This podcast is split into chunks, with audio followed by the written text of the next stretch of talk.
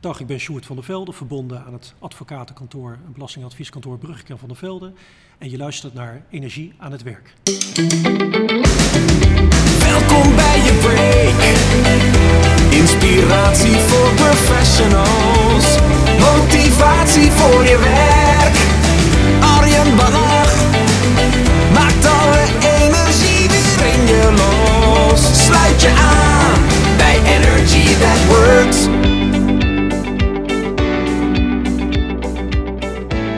je bent er weer bij een nieuwe aflevering van de podcast Energie aan het Werk. Hartstikke leuk dat je er weer bent. Dat je je weer een uurtje wil laten inspireren. En deze keer ook weer echt een goede inspirator voor je klaarstaan. Namelijk Sjoerd van der Velde van advocatenkantoor Brugging en van der Velde te Utrecht. En waarom ben ik zo enthousiast dat ik Sjoerd heb mogen interviewen? Dat komt omdat uh, het advocatenkantoor Brugging en Van der Velde een van die organisaties is die eigenlijk al lang voordat de trend van nieuw organiseren, van plattere organisaties, van holacracy, hoe je het wil noemen, voordat die opkwam, waren zij daar eigenlijk al mee bezig. En waarom? Omdat zij dit gewoon zien als de normale manier van het organiseren van werk. Zij vinden de oude hiërarchische managementpyramide, zoals die eigenlijk nog in veel te veel organisaties zich voordoet, vinden ze niet meer van deze tijd. En zij vinden het heel gebruikelijk om op een wat plattere manier uh, het werk te hebben georganiseerd, de structuur van de organisatie in te vullen en ook iedereen daardoor veel meer een stem te geven in beslissingen die worden genomen. En dat is vooral een beetje de thematiek die centraal staat in dit advocatenkantoor. Het is eigenlijk een hele democratische, platte manier van het organiseren van werk. En het fascinerende is dat ook hier weer blijkt dat het helemaal niet zo moeilijk is om het in te voeren of om het je eigen te maken, zolang je maar met elkaar een bepaalde visie hebt over hoe je het wil doen wat je normaal vindt en hoe je dat vervolgens ook gaat integreren in werkzaamheden. En Sjoerd kan je op een hele leuke, interactieve manier meenemen in dit verhaal en hoe zij dat hebben gedaan en waarom dit eigenlijk voor hun een hele normale manier is van te werk gaan. Dus laat je daar vooral door inspireren. Uh, kijk vooral ook welke aspecten je wellicht mee zou kunnen nemen. Hè, want het is wellicht niet gelijk mogelijk voor jou een organisatie om alles om te gooien. Maar de manier waarop zij met werkoverleggen bezig zijn. Ik denk dat heel veel organisaties daar iets van kunnen leren. En dat het ook gelijk de bevlogenheid, de betrokkenheid van medewerkers enorm ten goede komt. Dus probeer vooral op die manier kritisch daarnaar te luisteren. Kijk wat je mee kan nemen. En dan weet ik zeker dat je hier iets uit gaat halen. En tot slot wil ik je nog even op het volgende attenderen.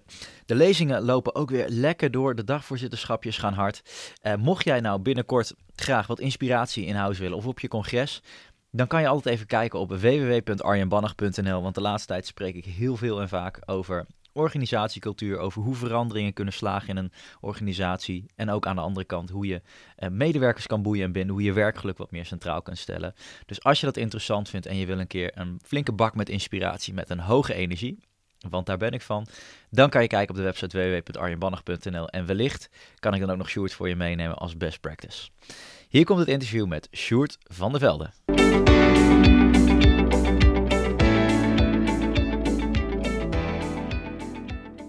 Ik, eh, ik zit in het prachtige Utrecht, een heel mooi kantoor tegenover Sjoerd.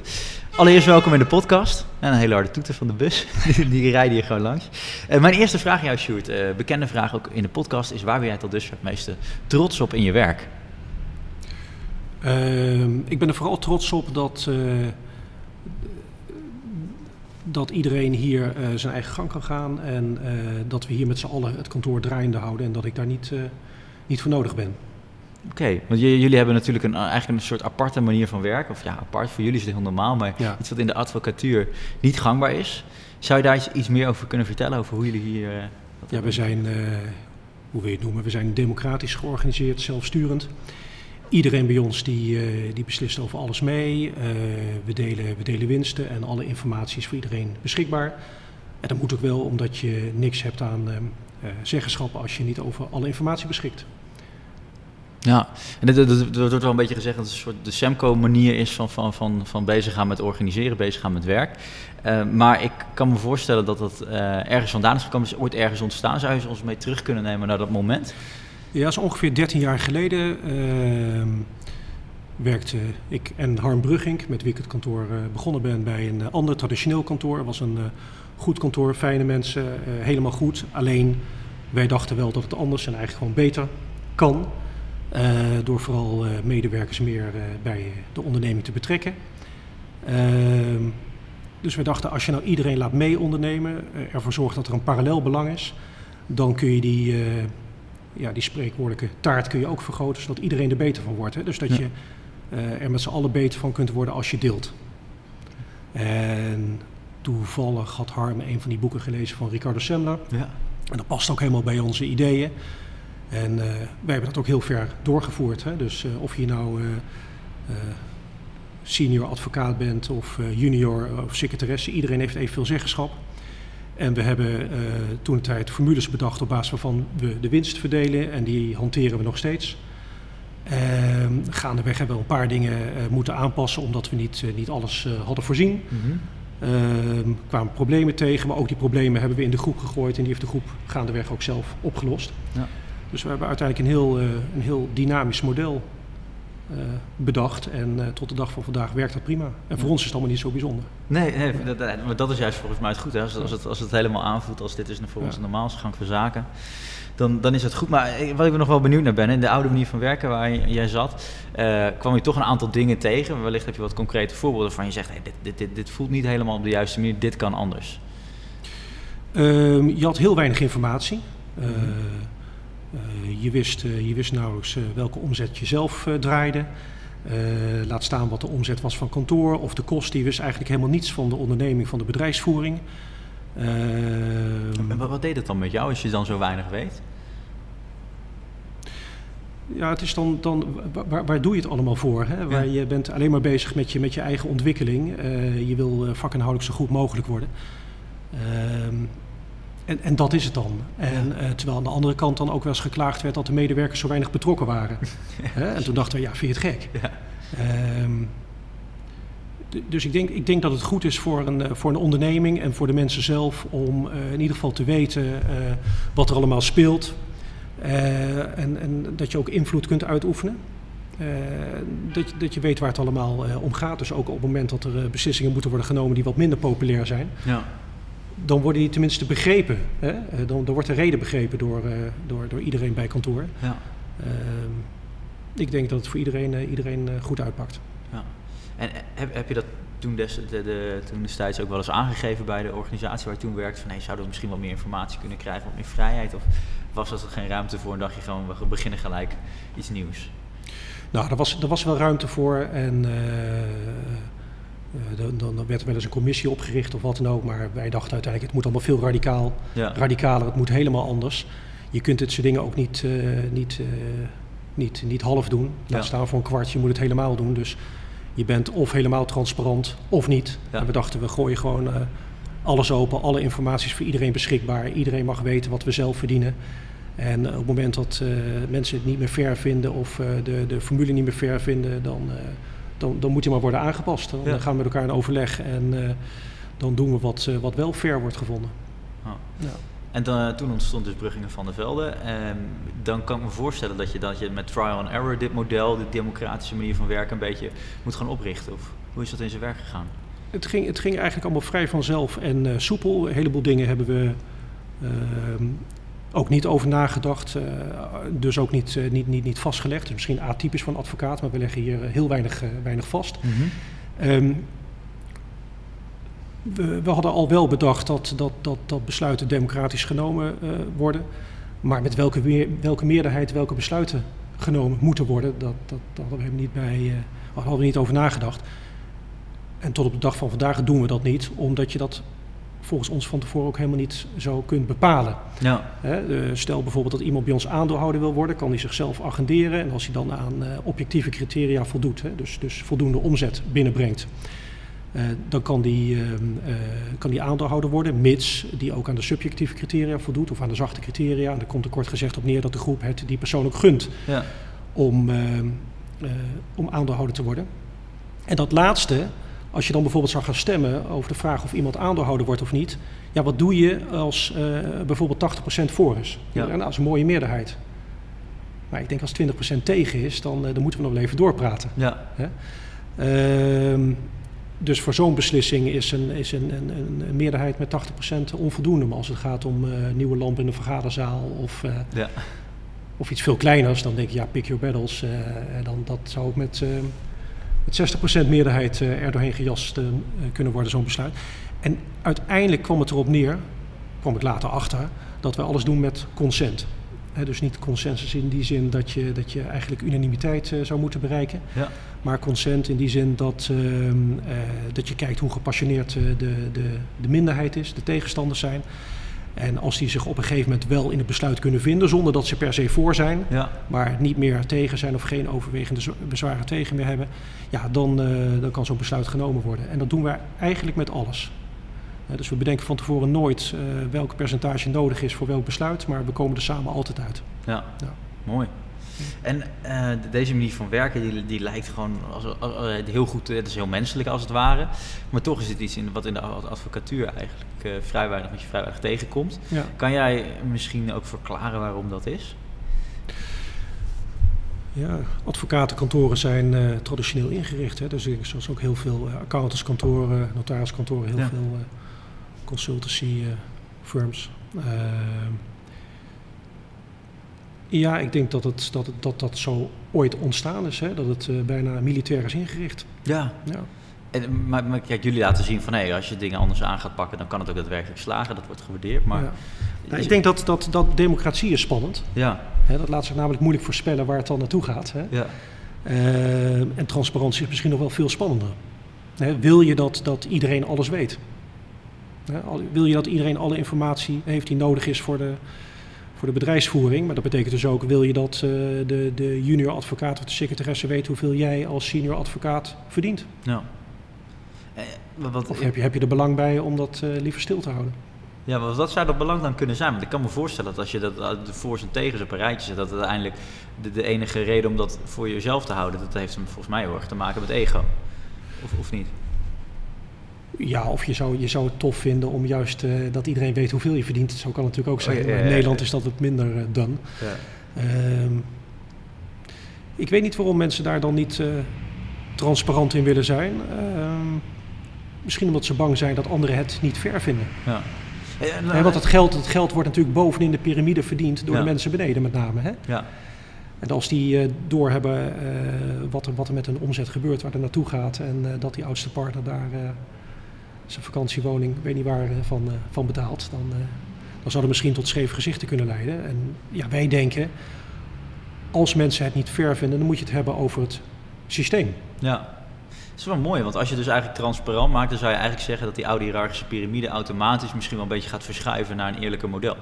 Omdat mensen het Ja. gewoon misschien niet meer pikken. Ja, en het, het hoeft helemaal niet om te gaan dat iedereen eh, eh, evenveel verdient. Eh, dat, dat is er ook niet zo. Integendeel, het gaat erom dat iedereen gelijke kansen heeft. Ja. Hè, om, om die top, of hoe je het dan ook wil noemen. Als dat tenminste je doel is, hè, om, Ja. om meer geld te verdienen of, of, of in die top van die piramide te komen. Maar dat iedereen eh, die kans ook heeft. Ja. Ja. Want eh, in feite is het bij jullie nog steeds een soort van piramide, als in je kan nog steeds hoger groeien, alleen het is wel een hele platte organisatie. Ja, als je bij ons eh, aandeelhouder bent of bestuurder, dan, dan ja, een BV heeft nu eenmaal op grond van de wet aandeelhouders en een bestuur. Ja, Ehm, maar dat bestuurderschap bij ons zegt helemaal niets. Je hebt Nee. niet meer zeggenschap dan, dan, dan een willekeurige ander op kantoor. Het aandeelhouderschap geeft normaal gesproken ook bepaalde zeggenschapsrechten, maar bij ons niet. enige bij ons is dat je, eh, als je aandeelhouder bent, dat je meer kunt verdienen dan, eh, dan kantoorgenoot. En dat komt omdat je die spreekwoordelijke taart, dus die omzet vergroot. ja, dus dat je aan bepaalde eh, objectieve criteria voldoet, waardoor, ehm, ehm, waardoor je bij ons aandeelhouder kunt worden, omdat je kantoor laat groeien. ja. Ehm, en indien en zolang je zorgt voor die, voor die omzet, Ja. kun je aandeelhouder blijven. Ehm, maar dat is het. Er zit een financieel voordeel aan Ja. eh, en, en niet meer dan dat. En dat is bij ons ook nog eens zo dat ehm, iedereen bij ons... eh, ja, we hebben een formule waarbij we eh, op het eind van het jaar kijken naar het totaal van de kosten. Ja. Dat zetten we af tegen het gemiddelde uurtarief. Dan heb je een break-even point uitgedrukt in gemiddeld uurtarief. En stel bijvoorbeeld dat we een break-even point hebben van 700 uur. Dat betekent dat iedereen hier dan 700 uur declarabel moet draaien. Eh, dan draaien we break-even. En dan mag iedereen de helft van zijn of haar eigen omzet boven dat break-even point houden. Ehm, en ehm, dan is je eh basissalaris is betaald. Dat zit in het BEP, hè, in de Ja. break-even point. Daarnaast heb je die bonus, hè, die helft van je omzet boven het BEP. ja. En ehm, de aandeelhouders draaien ook op die manier mee. Alleen al die helften die men niet mag houden, dat is de overwinst voor de aandeelhouders. En dat is waarom zij eh, uiteindelijk meer verdienen dan, eh, dan, eh, dan andere medewerkers. Ja. Tenminste, zolang zij zorgen voor die omzetgroei. Hè? Want Ja. het is de bedoeling dat je jezelf dan aan de gang houdt en ook nog kantoorgenoten van werk voorziet. En ja, dat is het model. En zoals ik zei, bij ons verdien je een basissalaris. Dat kun je zelf bepalen. Daar kan ik ook nog wel iets over zeggen als je daar Ja, nieuwsgierig naar bent. En, ehm, en, we, en we delen dus winst doordat iedereen de helft mag houden van de eigen omzet boven dat break-even point. Ja. Ehm, en dan de overwinst, die, is dan, eh, die wordt dan tussen de aandeelhouders verdeeld. Ja. Dus zo zit het in elkaar. Ehm, en die basissalarissen die, eh, die mensen hier zelf mogen bepalen. In het begin was het zo dat aan die grote tafel waaraan we hier zitten, dat Ja. iedereen daar dan eh, aan plaatsnam. En dat we een, eh, een, een rondje maakten van, nou ja, wat wil jij volgend jaar verdienen? Hoeveel procent erbij? Hè? Zelden wilde iemand minder verdienen natuurlijk, maar het, altijd meer. Ja. En dat was de bedoeling als jij bijvoorbeeld eh, een, een salarisverhoging vroeg van 5 of 10 procent, dat anderen dan zouden zeggen, nou ja, vind je dat niet een beetje veel? Of hè, moet het niet, eh, is, is, is, is 3 procent bijvoorbeeld niet redelijker? Of, maar zo ging het in de praktijk niet. Vaak zag je dat mensen die zichzelf hoger dan hadden ingeschat, eh, eh, bij zichzelf gingen bijplussen. Hè? Dus als jij dan eh, eh, 10% verhoging vroeg, waar mensen hadden gedacht dat je 5% zou vragen, verhoogden ze hun eigen voorgenomen verhoging met 5%. Hè? Dus om dat verschil dan, dan in stand te houden. En uiteindelijk werkt dat niet goed. Nee. Hè? Dat gaat door de kosten heen, dat is niet goed voor het BEP. Nee. Hè? Dan betekent dat iedereen meer uren moet draaien voordat je die, die bonusdrempel bereikt. Ehm, nou, daar hebben we het over gehad van ja, hoe, hoe, ehm, ehm, hoe regel je dan dat als mensen eh, meer toegevoegde waarde leveren, dat ze een hoger basissalaris eh, eh, verdienen? Daar hebben we een, nou, een vergadering aan gewijd en uiteindelijk kwamen we erop dat iedereen bij ons loopt debiteur-risico, iedereen hanteert een uurtarief. Als je nou een vaste factor neemt maal dat uurtarief, Ja. Eh ervan uitgaande dat het uurtarief iets zegt over je waarde in de markt, Ja.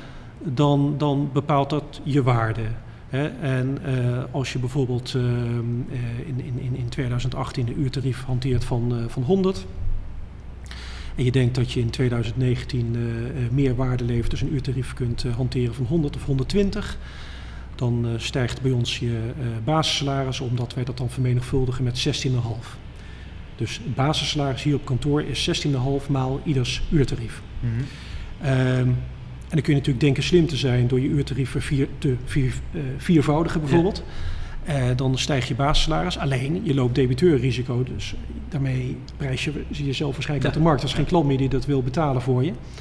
En dan komt er ook nog bij dat als je zelf geen klanten hebt, maar afhankelijk bent van eh, werk dat geleverd wordt door aandeelhouders Ja. aan jou, dat je jezelf ook intern uit de markt prijst. Omdat eh, nou ja, als jij een uurtarief hanteert van, eh, van 200 en iemand anders van 150 en jullie leveren dezelfde kwaliteit, dan kies ik voor die kantoorgenoot met dat lagere uurtarief.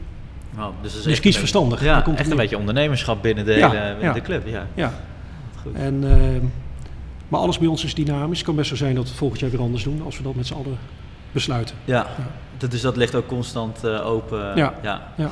En wat interessant is, je zei van als je, als je democratie, eh, democratisch gaat werken, hè, dat is misschien, je weet niet precies waar, waar het allemaal gaat eindigen. Dus dat zou Nee. misschien een reden zijn voor organisaties om het niet te doen. Eh, zijn er bepaalde wegen ingeslagen in deze reis die jullie op deze manier met elkaar ondernemen, waarvan je zegt, ja, dit hadden we niet van tevoren verwacht? Nou, in, dat, eh, in dat financiële model is het zo dat ehm, eh, je hebt een basissalaris, maar je kunt bij ons dus ook een eh, bonus verdienen. Je kunt meedelen in die, of je mag de helft houden van de eigen omzet boven dat break-even point. Maar stel nu dat je zwanger raakt, Ja. ziek wordt, wat dan? Ja. Want we hebben niet bij stilgestaan in het begin. Maar ook dat hebben we in de groep gegooid. En dan is de vraag, ehm, eh, zien we dit als ondernemersrisico of is zwangerschap een keuze? Ja. Of ehm, zijn, we, zijn we solidair en eh, verzinnen we een andere regeling... eh, waardoor die persoon eh, net zoveel kansen heeft om een bonus te verdienen Ja. als ieder ander binnen kantoor. Uiteindelijk kozen we voor dat laatste. Dus als jij bij ons bijvoorbeeld een, een half jaar uit de running bent, dan geldt voor jou geen, geen, geen, geen, geen drempel van 700 uur of 600 uur, wat het dan ook is in het betreffende jaar, maar de helft ervan. Ja. Omdat je de helft van het jaar niet kon meedraaien. Ja. En dat kost de groep dan geld, hè, dat kost de rest van kantoor eh, geld, maar eh, ja, we zijn graag solidair en bovendien dien je daarmee ook een eigen belang. Omdat je zelf natuurlijk ook ziek kunt worden bijvoorbeeld. Hè? Ja, En eh, zo zijn we altijd op zoek naar het belang van kantoor en individueel belang. En proberen we dat zoveel mogelijk eh, parallel te laten lopen. ja. Nou, prachtig. En ik denk dat dat, dat zorgt voor, waarschijnlijk ook wel voor een veilige omgeving waar je Ja, op, op terug kan vallen. ja. ja want dit, dit, dit, dit gaat natuurlijk over financiën. Maar ehm, eh, we doen heel veel dingen anders en we hebben ook een andere cultuur. Eh, Als we bijvoorbeeld advocaat-stagiaires aannemen, is het geen red race. Hè? In die zin dat we er vijf aannemen en, en eentje door mag uiteindelijk. Ja. Nee, we nemen mensen aan in de hoop dat ze blijven. Ja. Eh, dus er is ook bijna geen onderlinge concurrentie.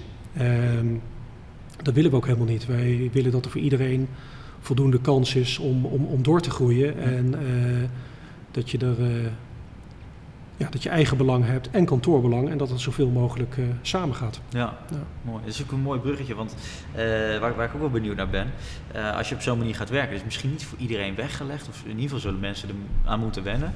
Ook mensen die wellicht van een oude manier van werken in jullie manier ko- terechtkomen. Ja, met name dat laatste. Ja? Ja, Ja. ja. Ik denk dat eh, als je vers van de faculteit komt, dan, eh, dan, dan draai je je zo mee. En eh, hoe heet dat? Generatie I, is dat Ja, het toch? ja, zet misschien al. Zet al bijna. Ehm, die voelen zich heel erg thuis in zo'n sy- sy- systeem. Hè. Die Ja. zijn wars van hiërarchie. En die, die hechten belang aan, aan zelfontwikkeling, praten graag mee. Weten een hoop, kunnen een hoop. Ehm, eh, dus dat gaat hartstikke goed. Maar als je tien jaar of langer elders hebt gewerkt in een andersoortige omgeving, dan, ja, dan is het hier wel eh, allemaal heel anders. Hè? Ja. Ehm, want, want ja, status stelt hier niet. Hè? Nee. Dus, eh, tenminste niet uitsluitend omdat je ouder bent Nee. hè? of langer meedraait. Nee, het gaat om, eh, om, om, om kennis en om inhoud. En het kan dus ook zo zijn dat je hier als oude advocaat, dat je te pas, en soms te onpas wordt aangesproken door de jeugd hè, op dingen die je bijvoorbeeld niet goed zou doen. Ja, Dat moet je tegen kunnen. ja, precies. Hè? Ehm, we doen niet aan, we doen niet aan eh, parkeerplekken en aan eh, oudere advocaten, mooiere kamers. Of dat, zo, zo gaat het bij ons allemaal niet. En je hebt zelfs je, je eigen kamer toch opgegeven, ze Ja, vertelde je net. ja, ja. ja, ik ben naar een kleinere kamer gegaan. Ik dacht van, eh, ja, hè, ook dat moet je laten, laten doorstromen. Ja, dat, dat, het geeft ook een verkeerd beeld anders. ja, ja, dat vind ik heel prachtig. Dat zouden weinig mensen doen. En ik zag ook online kwam ik tegen dat je, dat je eigenlijk ook zei van ja, misschien moeten we ook wel iets met de naam doen. Dat is ook een beetje ouderwets misschien. Ja, dat klopt. Ehm, het kantoor heet Brugging en Van der Velde. En dat staat ook met van die koper of messingletters eh, heel groot op het pand. Dat heb ik ooit best mooi gevonden. Ja. Als ik dan door de stad reed, dacht ik van, nou, dat is best gaaf. Ja, Maar ik denk al jaren van, eigenlijk zouden we die naam moeten veranderen. Want het is oudbollig, het past niet bij, eh, past niet bij ons model. Die achternamen, want het suggereert iets, ja, alsof je twee eigenaren hebt of twee oprichters die, eh, die misschien een streepje voor hebben binnen kantoor. ja, dus ik zou heel graag een, eh, een objectieve naam willen hebben. ja. En ik heb dat ook, eh, zoals alles, eh, voorgelegd aan, aan de groep, die Ja. uiteindelijk bepaalt. En ja, maar men vond toen dat het geen goed idee was om, om de naam te veranderen, omdat het inmiddels best ja, een bekende naam is geworden in Utrecht en daarbuiten. ja. Ja, daar valt ook iets voor te zeggen, maar eh, nou, volgend jaar probeer ik het weer. Ja, maar dat is, daar moet je dan wel weer neerleggen, want dat is dit ook weer Ja. de democratie. Ja, Ja, bij, er zijn altijd eh, drie smaken. Hè? Of je probeert eh, de groep ervan te overtuigen dat jouw idee het beste is. ja, Of eh, je legt je erbij neer dat, eh, dat mensen het anders zien. Hè, dus je buigt. ja, Of je vertrekt. Hè, als je het allemaal zo aan het hart gaat, eh, Ja. dat, dat, dat onderwerp, je kunt je er niet bij neerleggen dat je niet gevolgd wordt. Ja, dan kun je ook gewoon weg. ja. En dan doen we hier ook niet ingewikkeld met relatiebedingen en dergelijke. Hè. Dus de klanten die je zelf hebt eh, geworven, die mag je gewoon weer meenemen. mooi. Ehm, dus eh, ja, dat zijn dan de, de mogelijkheden. Maar, maar ik neem aan dat het niet heel vaak gebeurt, of wel? Nee, het is nog nooit gebeurd. Oh, Nee. Nee, ja, nee. ja, dat is... eh, Nee. Nee, maar er zijn wel meer dingen waar we over, over, over nadenken die, eh, die nog nooit hebben plaatsgehad, maar op zichzelf best interessant zijn. Want in ons model ehm, heb je de, de lusten, ook de lasten hè, van het ondernemerschap. Je hebt alle vrijheid, je mag over alles meebeslissen. Dus feitelijk fungeer je als maat in een maatschap of als bestuurder aandeelhouder van een BV. Ja, Ook als je het formeel niet bent. Eh, ik heb ook wel eens afgevraagd, eh, eh, is hier eigenlijk wel sprake van een arbeidsovereenkomst? Hè? Ja, bij een arbeidsovereenkomst is sprake van, nou, je, je werkt, ja, je krijgt geld en er is gezag. Nou, stel nu dat er geen gezag is, omdat je je eigen agenda kunt bepalen, je kunt alles zelf bepalen, ja, dan is er geen sprake van een arbeidsovereenkomst. Ehm, alleen ik weet zeker dat als wij eh, met dit verhaal bij een rechter zouden komen, we zouden toch een keer een, eh, een dispuut krijgen met, een- met een kantoorgenoot die die arbeidsrechtelijke kaart trekt en zegt ik ben dwingend rechtelijk, eh, of ik kan me beroepen op dwingend rechtelijke bepalingen, ik, ben, ik word beschermd. Ja, dan trekken wij als werkgever of als pseudo-werkgever aan het kortste eind. Ja, Omdat ons model denk ik ja, te exotisch is, te, te, te afwijkend ja, voor die rechter ook. En die zal, die zal oordelen van ja, het lijkt op een arbeidsovereenkomst, dus ik beschouw het als een arbeidsovereenkomst met alle gevolgen van dien. ja. Maar goed, eh, er zijn wel meer dingen hier die we doen die, eh, ja, die, eh, die zich niet goed verhouden met, met de wet. Hè. We houden bijvoorbeeld geen vakantiedagen bij, terwijl je als werkgever toch verplicht bent om dat te doen. Ja. Stel nu dat nou, bij dat dispuut met die werknemer of pseudo-werknemer, dat die persoon aan het einde zegt van ik heb nog recht op x vakantiedagen. Ja, dan zeggen we, we, we, we hebben dat nooit bijgehouden, want wij vinden het helemaal niet interessant of en hoe lang je op vakantie gaat. Hè, dat mag je helemaal zelf weten. Dan trekken wij weer aan het kortste eind, want ja, dan zal er wel vanuit gegaan worden dat, die, eh, dat het maximaal aantal eh, vakantiedagen is opgebouwd en niet genoten. Want wij kunnen Ja. moeilijk eh, het tegendeel, tegendeel aantonen. Maar ja, we hebben ook afgesproken om in dat geval dan maar als groep dat verlies te nemen. Dat gaat door de kosten. Ja. Dan moet iedereen wat meer uurtjes werken voordat die, die bonusdrempel bereikt wordt. Ja. En dat is het dan. Hè? Je kunt van tevoren alles wel uitdenken en, en, en, en, en vastleggen en eh, proberen te voorzien in, in mogelijke problemen. Maar daar geloven wij niet in. Wij denken vaak dat het middel erger is dan de kwaal. Je, je verzekert ook niet alles. Hè? Sommige risico's neem je gewoon voor lief. ja. En eh, laten we wel zijn, meestal gaat het goed. Nou ja, je geeft aan, er is nog niemand weggegaan. Dus alle tijd die Ja. je eventueel had ingestopt, die was in ieder geval tot op de dag van vandaag volledig waardeloos geweest. Ja, precies. Ja, de mensen die zijn weggegaan zijn ook iets anders gaan doen. Of eh, zijn als advocaat het bedrijfsleven ingegaan. Ja. Eh, maar we hebben nog niemand gehad die is overgestapt naar een ander advocatenkantoor. Ja. Of belastingadvieskantoor. Ja. In de afgelopen 13 jaar. Dat is best bijzonder. Ja, dat, Ja. Dan, dan doe je iets goed. Ja. En hoe, hoe nemen jullie nieuwe mensen een beetje mee in jullie manier van werken? Hoe worden ze een beetje opgeleid in het democratische werken?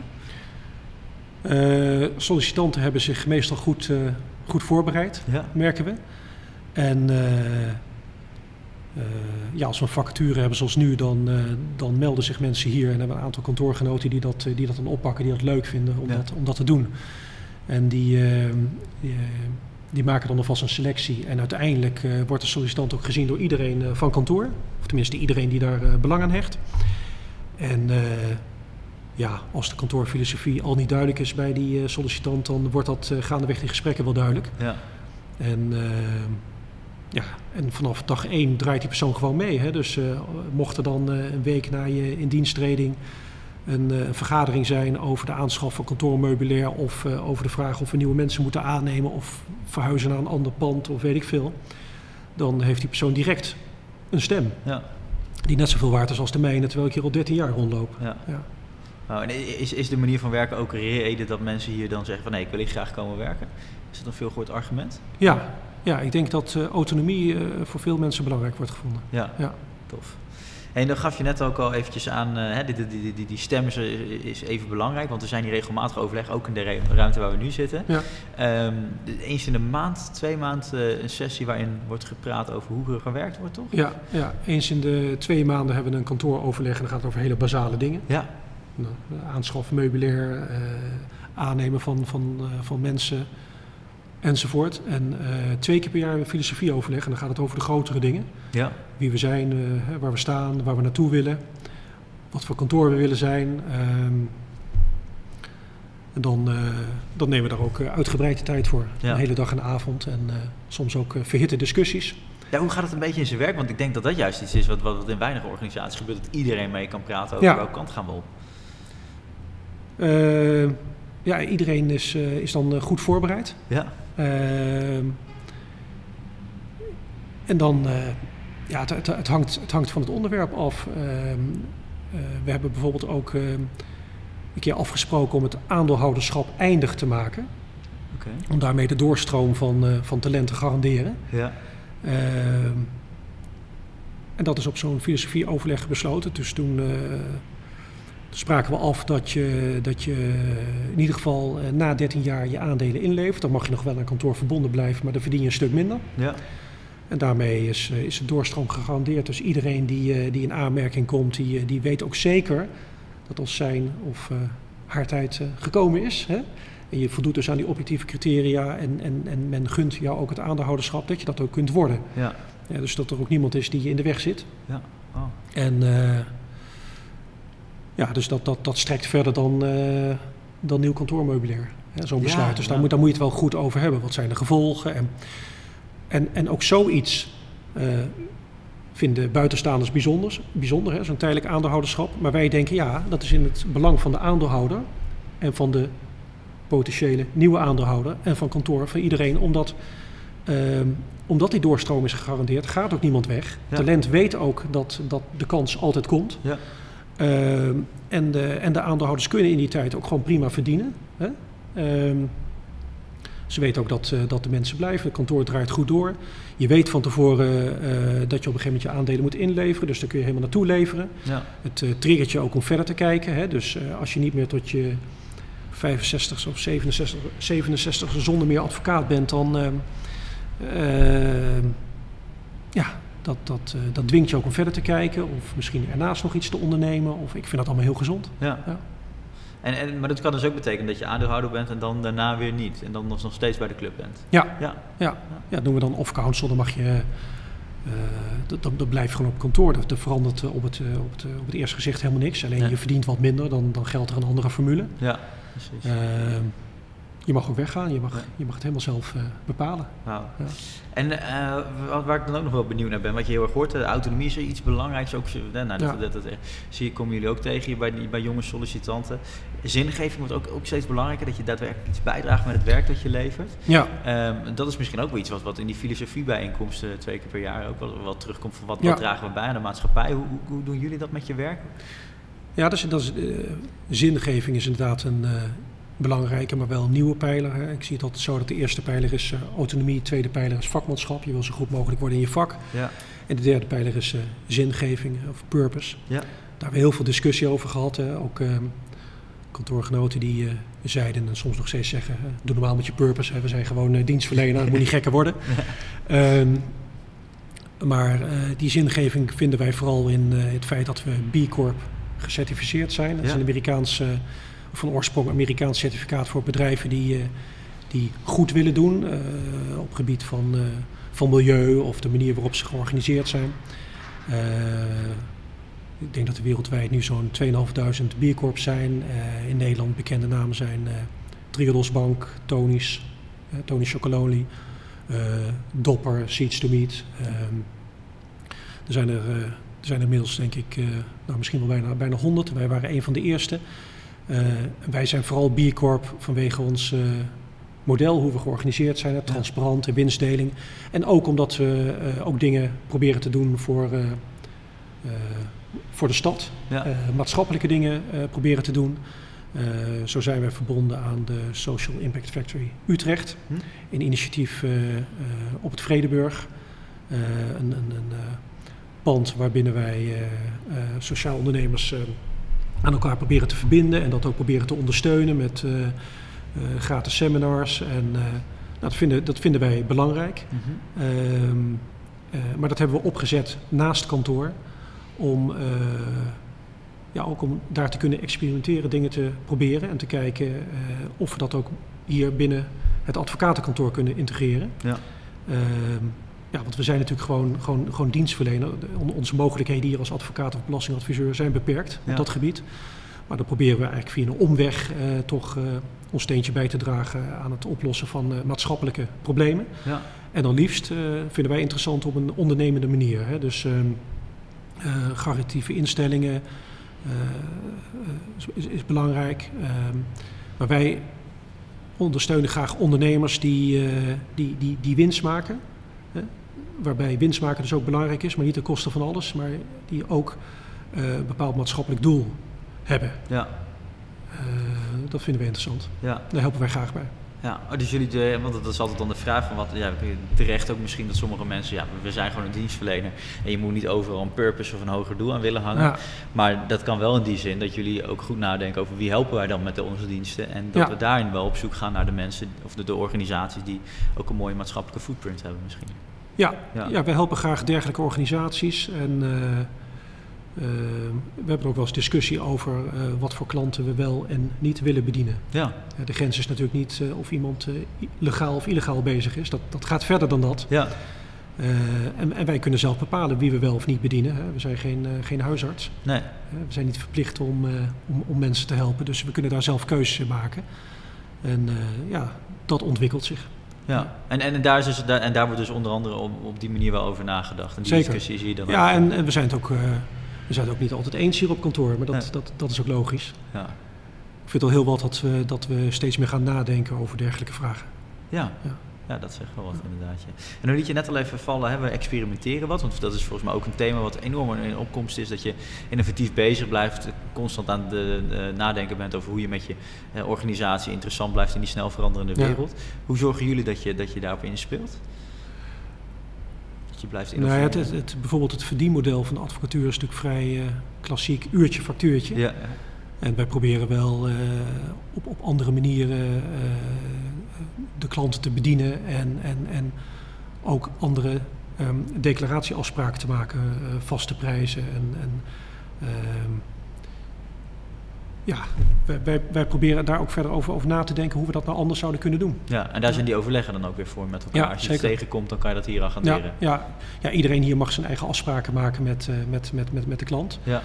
Ehm, maar experimenten gaan we, niet, eh, gaan we niet uit de weg. Nee, Nee. nee, en die worden, dan, die worden dus hier een beetje... Dat je, als jij iets tegenkomt waarvan je denkt, hé, dat is interessant, dan, dan, dan agendeer je dat hier op de, in deze ruimte. En dan, eh, Ja, dan hoeft het ook niet kantoorbreed eh, uitgerold te worden. Je kunt het ook gewoon zelf proberen. Oké, ja. En eh, als het lukt, hartstikke goed. Als het mislukt, jammer. ja, Volgende keer, volgende keer beter. maar als het goed moet het wel even gedeeld worden als het goed gaat.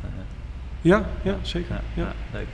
Ehm, nog, nog, nog een interessant thema waar ik nog even benieuwd naar ben, is die, die, die vier werkdagen, die, die werk-privé-balans die jullie zo belangrijk achten. Hoe is dat zo ontstaan? Nou ja, destijds eh, hadden, hadden Harm en ik eh, al eh, jonge kinderen. Ja. Dus dat was ook voor een groot deel eigen belang. Ja, Maar we dachten ook al toen, ehm, ehm, ja, advocaten, belastingadviseurs zijn duur.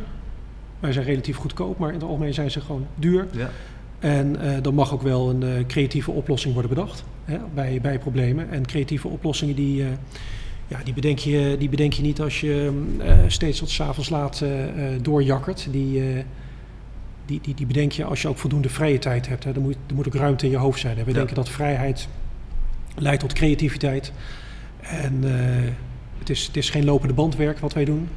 En eh, wij denken dus dat het ook heel gezond is dat je, dat je ook dingen naast je werk doet. En of je dan nou thuis met je gezin bent, of je gaat op de racefiets zitten, of in de kroeg, of je, je, je, je promoveert of wat dan ook. Maar dat je iets ernaast doet, denken wij dat dat heel gezond is.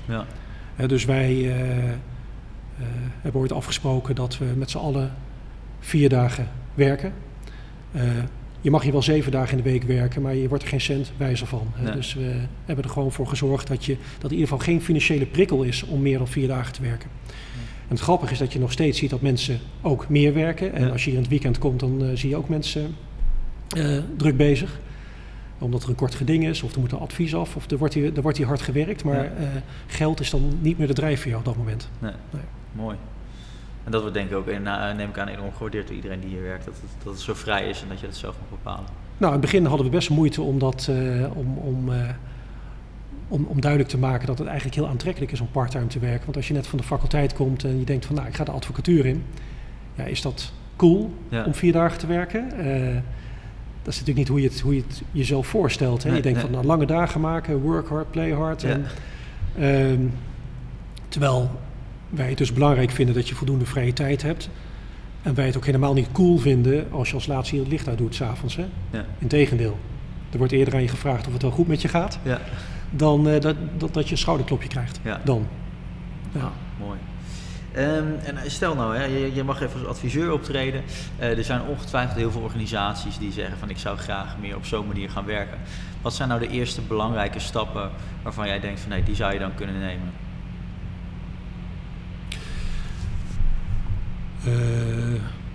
Nou, het, het lijkt me al moeilijk om het van bovenaf op te leggen. Hè? Dus daar, daar zou het dan al eh, fout gaan, denk ik.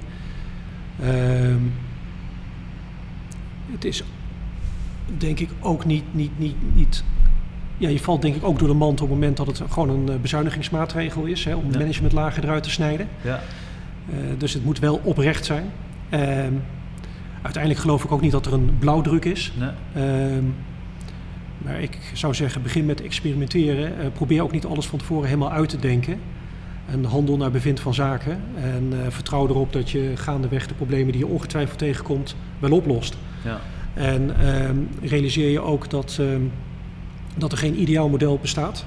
Hè, bij ons gaan er ook dingen mis, maar die waren in een ander model ook misgegaan. Ja. Maar ik denk dat het belangrijk is erop te vertrouwen dat, eh, dat, dat mensen het beste uit zichzelf willen halen en, eh, en ook een hele hoop kunnen als je ze die ruimte maar biedt. Ja. Dus dat, dat, dat, dat experimenteren, dat moet in eerste instantie een beetje gaan om het ruimte geven vanuit Ja. vertrouwen. Ja, en dat er ook fouten mogen worden gemaakt. Hè? Dus Ja. dat je niet eh, direct iemand afschiet als er iets misgaat. Ja, Ja. Mooi. Tot slot heb ik dan nog vijf vragen aan jou als Ja. persoon. eh, De one-minute questions. De eerste vraag, Sjoerd, wie is jouw grootste inspiratiebron geweest? Ha! Je merkt dat we dit niet hebben voorbereid. of misschien iets wat je heeft geïnspireerd. Misschien is het niet zozeer één persoon. Of... Nee, ik, ik, kan, ik kan ook niet zeggen dat dat, eh, dat het Ricardo Semler was, want we hadden het al zelf bedacht om het zo te doen Ja. eh, voordat, eh, voordat ik eh, de eerste Misschien keer in Ricardo boek van wel van jullie. nou, hij, was al, hij was begin jaren tachtig, Ja, dus dat wordt, het is nu alsof het allemaal heel hip is, maar het is eigenlijk een heel, heel oud idee. Nee, ik zou het op werkgebied zo niet, eh, Nee. niet kunnen zeggen, helaas. Nee. Nou, de tweede vraag misschien wel. Welk boek moet iedereen gelezen hebben?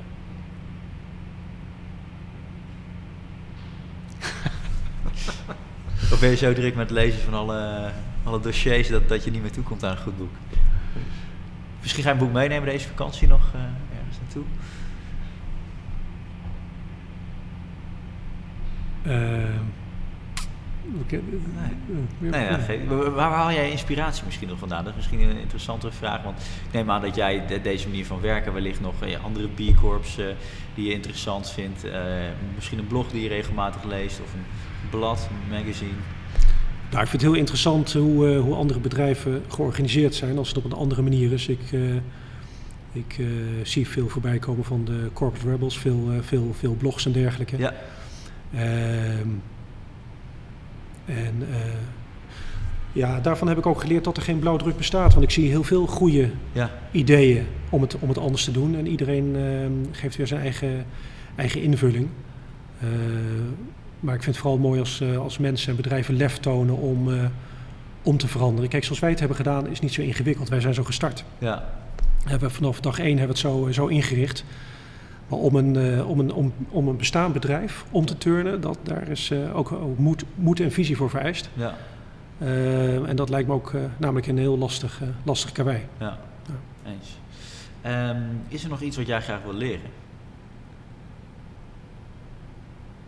Wat je tegen bent gekomen, misschien ook weer in die, in die blogs, of, of, of juist op privévlak kan ook.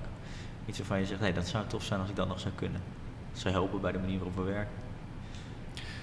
Nou, niet iets wat, wat mij hier op kantoor zou helpen, want het, het, het, eh, de mensen hier doen het zelf. Ik, ik, Ja. ik, ik zou ook. eh, ik ben ook niet meer nodig. Hè. Ik, ik draag bij, maar Ja. eh, kantoor kan ook, kan ook uiteindelijk prima zonder mij. Ja.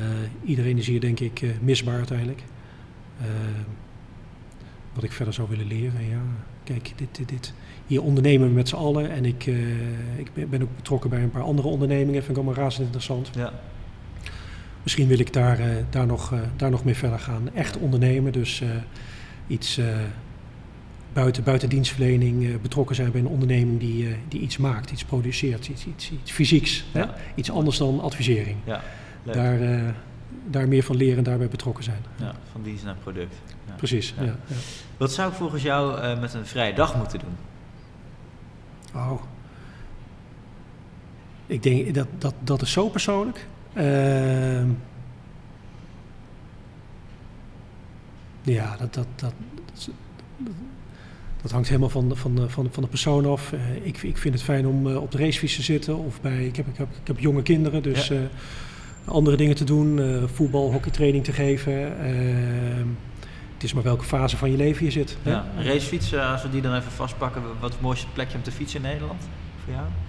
Nou, ik kom oorspronkelijk uit Dieren. Dat Ja. ligt, ik vind dat kan, die kant van de Veluwe heel mooi. Dus, eh, de, de, en ook eh, hè, dus langs de IJssel, maar ook de Postbank. Geweldig. Ja. Leuk. Dat vind ik op zichzelf eh, ideaal. Ja, nee, ik zit op de racefiets, dus dat vind ik, die ga ik Ja. eens meenemen. Ga ik Ja. eens langs. Leuk. Allerlaatste vraag dan. Wat is de belangrijkste sleutel voor energie op het werk?